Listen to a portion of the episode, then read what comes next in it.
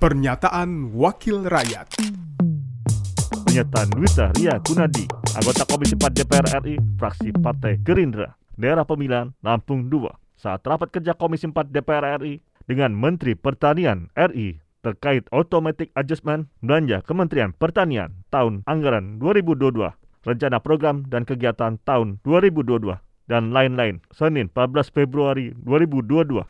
Masih rendahnya capaian produksi komoditas utama khususnya daging Pak, swasembada daging. Tadi sudah disampaikan Pak Tuasikal, kita ini kaya raya, negara kita ini negara dengan iklimnya yang cukup mendukung, tapi kita sampai sekarang masih tidak bisa swasembada daging. Eh, tahun 2020 sebanyak 353,63 ribu ton, tahun 2021 turun mencapai 343,75 ribu ton. Saya mengucapkan terima kasih kepada saudaraku menteri pada tanggal 8 Desember ke Lampung. Di situ kita dengan Pak Dirjen, Pak Nasrullah itu launching tentang uh, launching kelahiran 100 ribu pedet Belgian Blue dan si komandan. Nah, saya ingin bertanya tindak lanjutnya seperti apa Pak?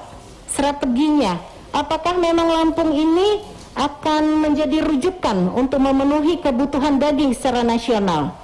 Kami juga perlu meminta data berapa kebutuhan daging, eh, pemenuhan produksi daging dari berbagai daerah sehingga kita tahu bahwa daging ini saat ini memang belum mencukupi.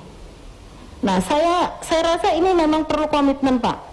Tidak perlu 3-4 tahun, 2-3 tahun saja kalau Lampung ini saja 100 ribu panen pedet kemarin bisa berhasil, ini setahun dua tahun kita sudah bisa mencapai swasembada pangan, eh, swasembada daging, belum ditambah dari daerah-daerah provinsi lain, NTT, dan juga beberapa daerah dari Jawa Barat.